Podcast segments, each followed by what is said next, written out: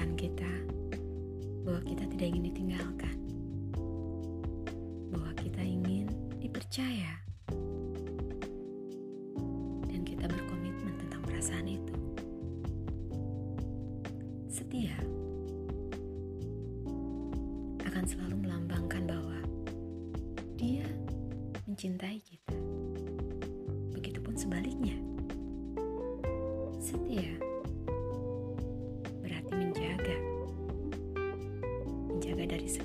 Perasaan lain, perasaan yang muncul baik dari diri kita maupun dari luar.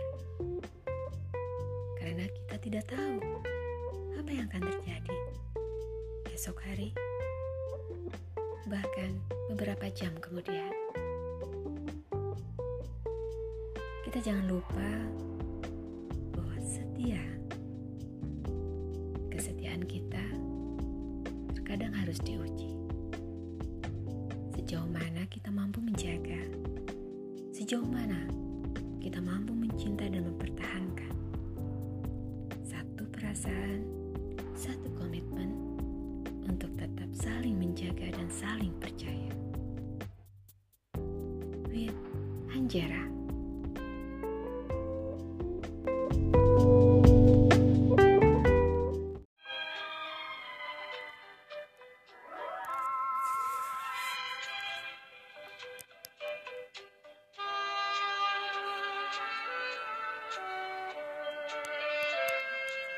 Selamat malam, selamat bermalam minggu bersama with Hanjera. Apa kabar kalian? Iya, malam minggu ini aku akan kembali hmm, karena suasana hati aku lagi senang nih. Jadi karena kemarin nih mengingat uh, hari apa ya ibu kita nah, Raden Ajeng Kartini uh, ingatanku melayang pada saat uh, ketika kita masih kanak-kanak.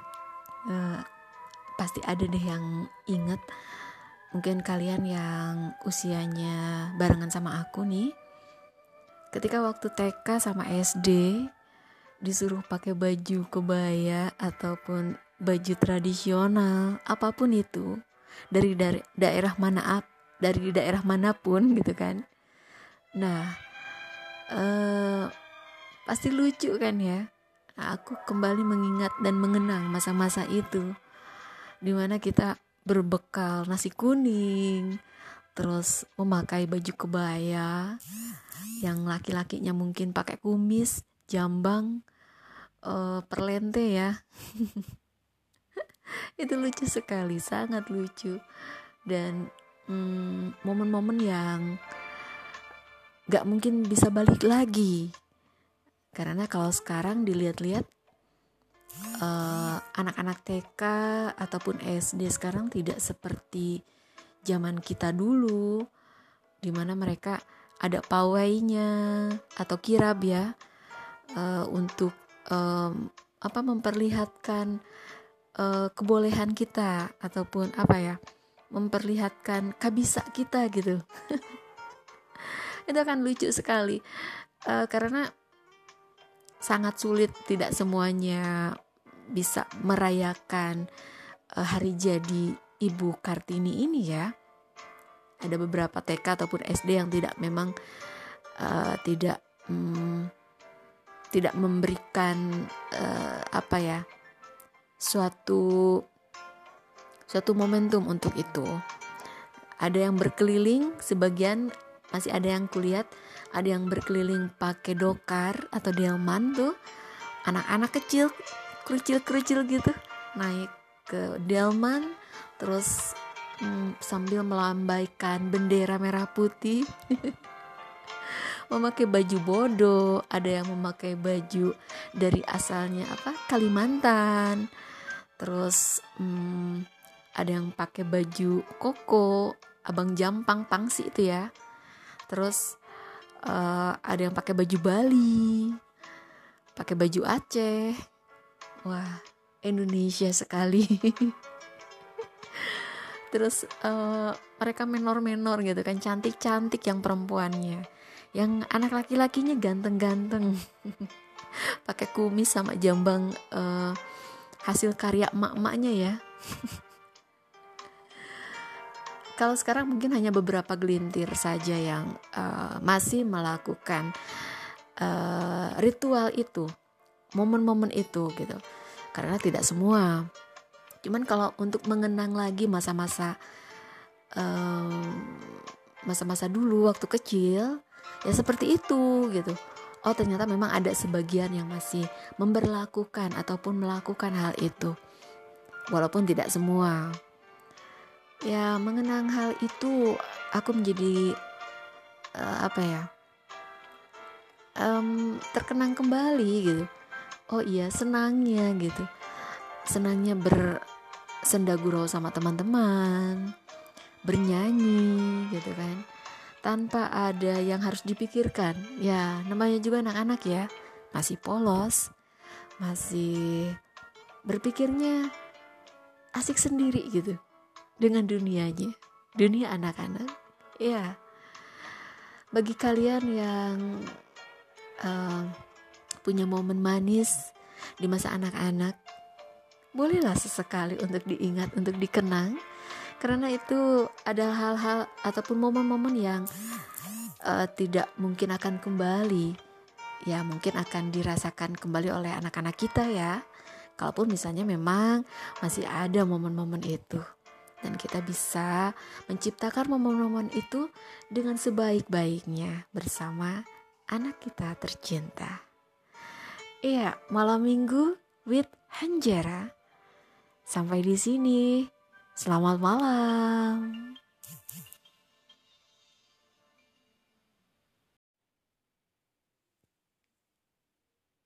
Selamat malam. Selamat bermalam minggu. Malam minggu ini Hanjara akan menyajikan dan menyuguhkan satu potongan, satu penggalan cerita dari karya temanku, Andrea Doria, yang berjudul Platonic Marriage. Pernikahan platonik ya, kalau ditranslate. Um, bercerita tentang sepasang anak muda ya nggak terlalu muda juga sih sepasang anak manusia anak cucu Adam yang mungkin tersesat dalam pengembaraan perasaan.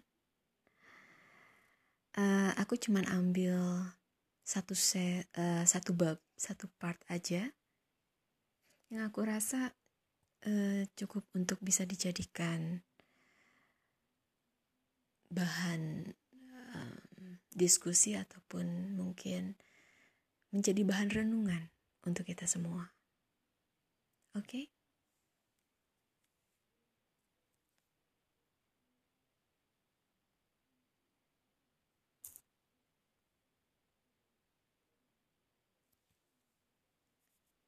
Seto mengusap dan menempelkan ponselnya ke telinga berulang kali.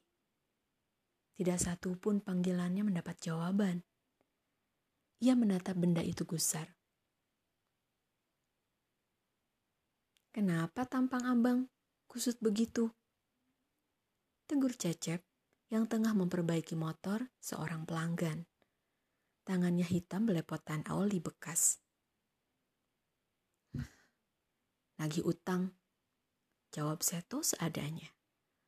Semalam ia memikirkan keinginan mengambil kredit rumah, tetapi tidak punya cukup uang untuk membayar DP-nya. Sementara untuk angsuran bulanan saja bisa ia usahakan nantilah. Toh Luna adalah seorang ASN. Mereka bisa memanfaatkan SK Luna sebagai jaminan. Tidak usah rumah yang besar, rumah kecil dengan dua kamar saja rasanya sudah cukup. Ia memang belum membicarakannya dengan Luna. Namun, tidak ada salahnya kan mempersiapkan segala sesuatunya terlebih dahulu. Lagi pula, tidak mungkin mereka mengontrak rumah untuk selamanya. Seto menghubungi orang-orang yang pernah berutang kepadanya. Beberapa di antara mereka menyanggupi dan berjanji mentransfer dana secepatnya. Sementara yang lainnya berkilah tidak punya utang.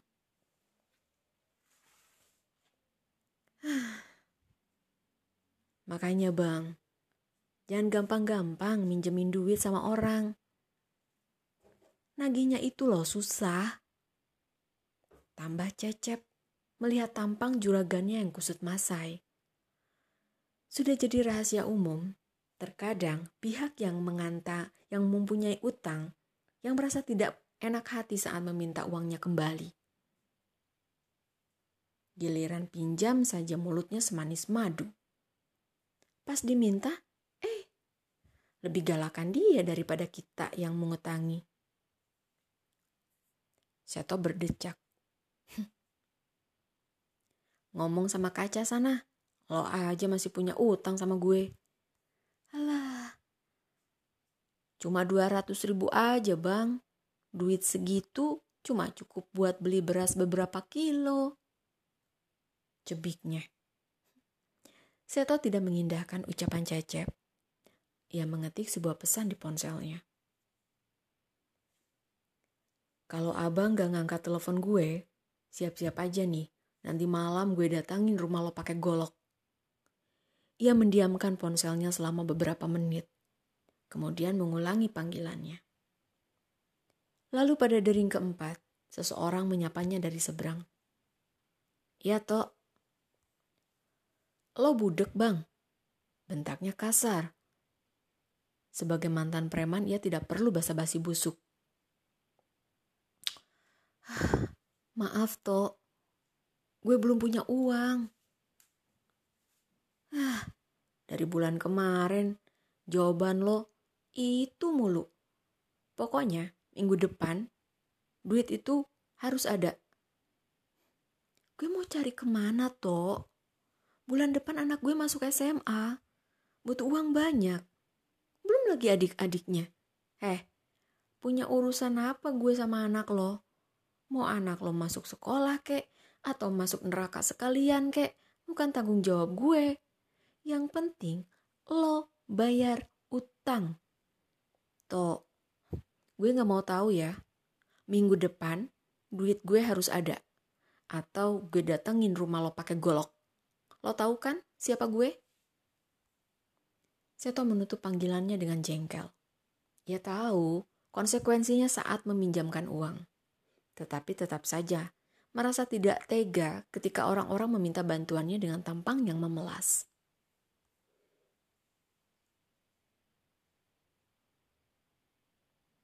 Udah exit, nak. Sapa Maya sembari menghampiri Luna di meja kerjanya. Ia menyandang sebuah tas berisikan peralatan kerja. Udah, Mbak. Luna ikut membereskan berkas-berkas dan memasukkan laptopnya ke dalam tas. Satu jam yang lalu ia baru kembali dari instansi lain setelah melakukan exit briefing atas serangkaian pemeriksaan yang cukup melelahkan. Dapat berapa? Ya, lumayan mbak. Saut Luna tanpa menyebutkan angka secara gamblang. Hmm, belum terlalu sore. Maya melihat jam tangannya. Ngopi dulu yuk. Di mana? Ada deh. Maya menggamit lengan Luna. Makanya sesekali keluar. Jangan jadi anak baik mulu. Luna tersenyum kecil. Ia menyanggupi ajakan Maya untuk minum kopi di luar. Mungkin Maya benar. Selama ini rutinitasnya menjemukan. Ia kerap menolak diajak hangout karena terlalu memikirkan kecukupan untuk keluarganya, alih-alih memikirkan kesenangan dirinya sendiri.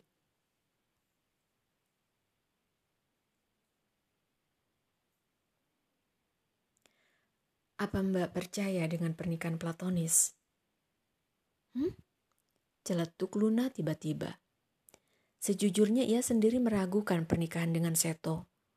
Hubungan platonis yang tercipta selama mereka berteman, kini mengalami pergeseran makna. Belakangan, hubungan mereka seperti mengalami fase tarik ulur. Ada masa-masa di masa di mana Seto menciptakan suasana untuk menciumnya. Lalu, saat mereka hampir melakukannya, pria itu hanya mengecup pipinya atau menyibakkan rambut di keningnya. Lalu menatap dalam-dalam sampai Luna merasa salah tingkah dan menyerah. Tidak mungkin Luna jujur bahwa ia menginginkan ciuman tersebut kan? Katakanlah untuk membiasakan diri. Ia adalah seorang perempuan. Mengemis ciuman pada laki-laki? Oh, tidak. Maya menyeruput kopinya. Keningnya sedikit berkerut. Pernikahan platonis? Pernikahan tanpa hubungan seksual maksudnya. Luna mengangguk sembari mengunyah roti bakar yang dihidangkan pelayan. Bohong kalau ia berkata tidak menyukai Seto. Darahnya berdesir kala Seto menatapnya. Detak jantungnya menggila kala Seto mendekatinya dan merasakan nyaman yang perlahan hadir saat mereka berduaan di rumah. Di mana Seto mengoceh tentang kesehariannya dan ia rela meletakkan ponselnya demi mendengarkan ocehan Seto. Perasaannya semakin hari semakin berwujud, dan itu sangat mengusiknya. Pria itu benar, rasa itu ada karena terbiasa.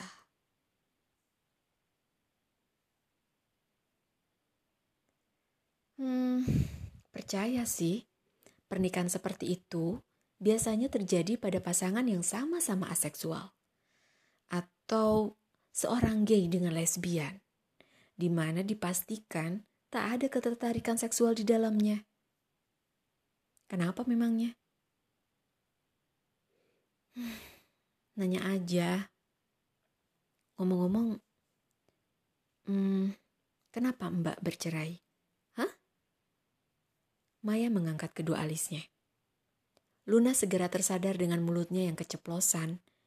Ia sudah melanggar prinsipnya sendiri yang enggan ikut campur urusan orang. Eh, maaf mbak, gak usah dijawab. Gak apa-apa. Kayaknya aku belum pernah cerita sama kamu ya. Uh, sama siapa pun juga sih. Kami bercerai karena tidak ada kecocokan lagi. Hmm? Kayak artis aja sih mbak. Ya kedengerannya sepele. Atau terlalu konyol malah ya. Ketidakcocokan dalam hal apa mbak? Bukannya kalian sudah lama menikah ya? Kenapa baru belakangan ini? Teruar. Agak aneh rasanya bila seseorang berpisah dengan pasangannya dengan alasan ketidakcocokan. Padahal rumah tangga itu sudah berjalan belasan tahun. Aku bertahan semata-mata demi Rangga. Maya menyebut nama anak semata wayangnya yang sering mengantar jemputnya ke kantor bila jadwal kuliahnya senggang. Sejak awal kami memang sudah tidak cocok, Nak. Kenapa begitu? Kalian dijodohkan? Bukan begitu. Kami menikah satu bulan setelah berpacaran. Ya, aku akui itu keputusan yang tergesa-gesa. Aku masih kuliah saat itu. Di saat aku belum selesai dengan diriku sendiri dan belum siap menyatukan isi kepala dengan orang lain dalam satu rumah. Sialnya, saat itu aku belum begitu mengenal karakter suamiku, juga karakter mertuaku. Kami menikah saat rasa cinta sangat menggebu-gebu dan belum sempat mengambil jarak untuk lebih saling mengenal. Lalu, apa masalahnya, Mbak? Singkatnya begini, Nak. Maya menautkan jemarinya di atas meja. Tingkahnya seperti guru BK yang hendak memberi bimbingan konseling pada siswanya. Sebuah rumah tangga yang awet dan bahagia terdiri dari lima pilar kompatibilitas. bila salah satu di antaranya timpang atau tidak ada, rumah tangga itu ya bisa saja awet sampai maut memisahkan. Tapi, apakah bahagia? Menurutku belum tentu. Ada pasangan yang ikhlas menerima ketidakcocokan itu. Ada yang masa bodoh dan tidak terlalu memikirkannya. Atau ada juga yang bertahan demi anak atau ketergantungan finansial. Dan ada juga yang pura-pura bahagia dan bersikap, everything is fine. Luna menjadi tertarik. Ia meletakkan sisa potongan roti di atas piring untuk menyimak kelanjutannya. Hmm. Jadi, ada yang namanya kompabilitas seksual, emosional, finansial, intelektual, dan spiritual. Kalau menurut pandangan awam, para artis bercerai karena tidak cocok. Bisa jadi mereka tidak cocok di salah satu aspek tersebut. Misalnya pada aspek seksual. Siapa tahu ya, mereka menggugat cerai karena si suami melakukan marital rape. Gak mungkin dong seseorang menyebut secara gamblang kalau dia diperkosa oleh suaminya. Orang-orang bisa ketawa Apalagi ini Indonesia, sis. Eh? Ada yang begitu ya mbak? Ya ada dong. Hanya saja gak banyak yang berani speak up. Karena doktrin bahwa istri wajib melayani kebutuhan ranjang suaminya kalau tidak ingin berdosa. Namun banyak juga sih lelaki yang menjadikan itu sebagai dalil untuk memperlakukan istrinya dengan semena-mena memaksa melakukan BDSM atau seks anal. Misalnya, maaf ya, agak-agak kasar nih. Luna sedikit termenung. Ia tidak mengerti dengan istilah yang baru saja disebutkan oleh Maya. Namun melayani kebutuhan ranjang, astaga, dosanya mungkin sudah sangat banyak. Begitu juga dengan empat pilar yang lain, ada yang timpang secara finansial. Si istri kerja banting tulang, sedangkan suaminya bermalas-malasan. Dan ada yang gak kerja sama sekali. Di awal-awal pernikahan, di mana tai kucing rasa coklat tuh, alias cinta itu masih menggebu-gebu, ya mereka bisa menerima. Tapi lama-kelamaan, pasti lelah juga kan? Hmm? Tapi ibuku sepertinya tidak lelah, mbak. Luna membatin dalam hatinya.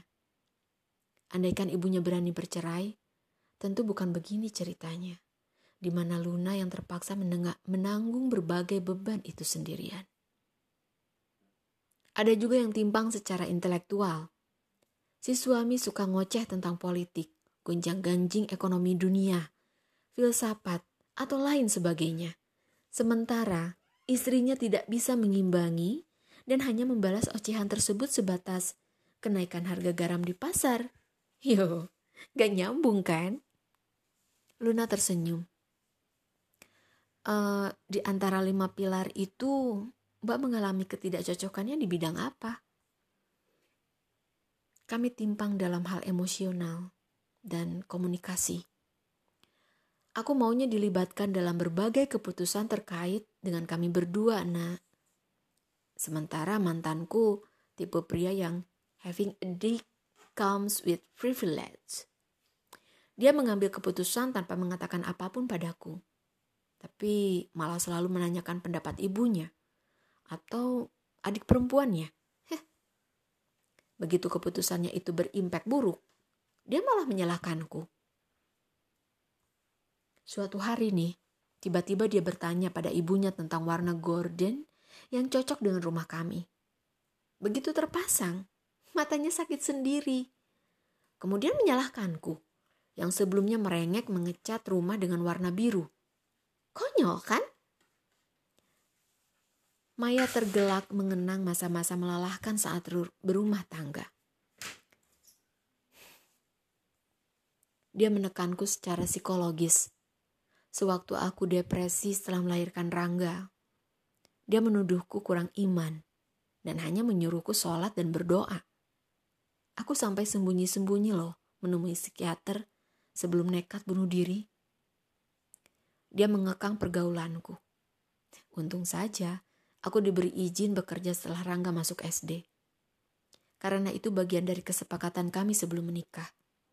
Tapi pulang dari kantor, ya aku harus buru-buru pulang.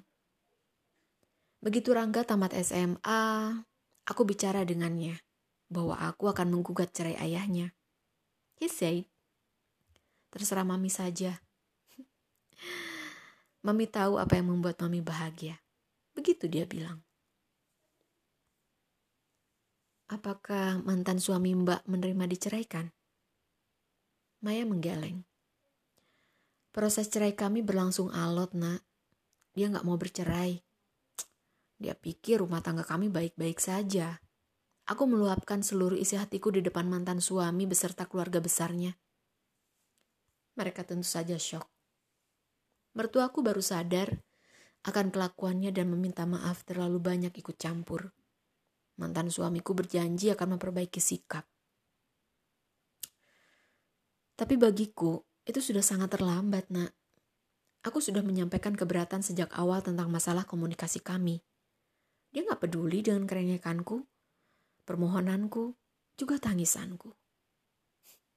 I'm tired being people pleaser, nah. Aku capek membahagiakan orang lain, membahagiakan suami. Aku capek bermanis-manis di depan iparku yang mulutnya kayak setan.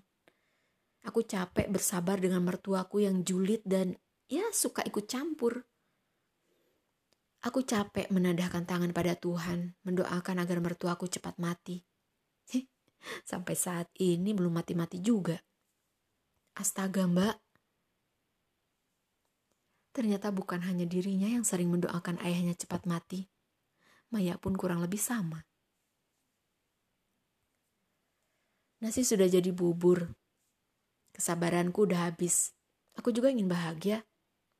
Ya untung aja, anakku cuma satu nak. Rangga udah cukup dewasa saat aku mengajaknya bertukar pikiran. Dia memilih tinggal bersamaku, ya karena sudah lelah disetir oleh ayahnya. Aku membebaskannya mengambil jurusan IT, sedangkan ayahnya memaksanya harus kuliah di jurusan bisnis. Hmm, lalu apa sekarang Mbak bahagia? As you see, kalau aku belum bercerai, mana bisa aku ngopi santai kayak gini? mana bisa aku pergi liburan sama anakku? Mantan suamiku tipe pekerja keras. Baginya, liburan itu hanya buang-buang waktu. Dan apa kamu tahu apa komentar orang-orang ketika kami berpisah? Hmm? Apa? Mereka bilang, aku perempuan yang gak pandai bersyukur. Selain masalah komunikasi, dia pria yang setia, mapan, dan baik. Ya, I know. Dia memanjakanku dengan uang. Tapi aku gak mikirin komentar orang. I don't give a shit with those kind of toxic positive. Kalau mereka bahagia dengan gambaran pernikahanku yang menurut mereka ideal, ya terserah. Tapi mereka juga gak bisa dong memaksakan sepatu mereka harus muat di kakiku. Bener gak? Kesehatan mentalku lebih penting. Hidup cuma sekali. Untuk apa bertahan sampai mati dengan pasangan yang hanya bisa bikin frustasi? Luna tersenyum kecil sambil menyembunyikan Lara dalam hati. Mengingat keluarganya sendiri jauh lebih tidak ideal dibandingkan dengan keluarga Maya. Tidak ada kecocokan sedikit pun antara ayah dan ibunya. Ibunya mengalami kekerasan fisik, verbal, dan menanggung masalah finansial. Ia pun sama, tertekan secara psikologis dan mengalami berbagai kejadian buruk yang seharusnya tidak perlu terjadi bila orang tuanya berpisah. Sekali lagi, yang ia sayangkan adalah kenapa ibunya tidak berani bersikap seperti Maya.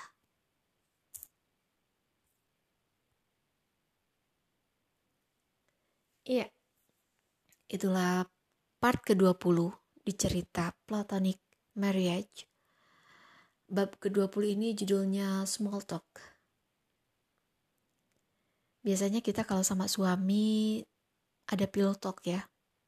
setelah sesi bercinta ada pillow talk kita ngobrol tentang keseharian kita keseharian dia keseharian uh, si istri mengantar anak atau apalah gitu keluarga dan sebagainya ini small talk uh, ketika ya memang apa yang dikatakan oleh Maya ada benarnya Aku setuju. Kenapa? Ya memang seperti itu. Kita kadang selalu ingin terlihat fine. Baik-baik aja. Tapi kita menderita sendirian. Apakah kalau misalnya kita menderita sendirian, ada yang nolongin? Ada yang bersedia menjadi bahu? Ada yang bersedia memeluk kita, mengatakan bahwa kamu harus lebih kuat atau kamu harus lebih sabar. Ada enggak yang kayak begitu? Enggak. Tapi mereka hanya bisa memantau, melihat, dan menyimak. Kecuali dan dijadikan bahan gibahan. Gak jauh-jauh kan? Tetangga, rekan kerja, teman. Ya semua. Ini adalah potret nyata di dalam masyarakat kita, dan itu yang terjadi. Oke, okay, next. Mungkin minggu depan lagi kita akan ketemu dengan sesi cerita lain atau mungkin juga kalau misalnya memang ada yang uh, suka dengan cerita dari Andrea Doria ini, Platonic Marriage, mungkin nanti aku bacain lagi dari awal ya. dari bab prolog mungkin. Kalau ada yang mau bisa message atau bisa bisa juga hmm, mengirimkan ke IG aku atau ke WhatsApp ya. Oke. Okay. Selamat bermalam minggu.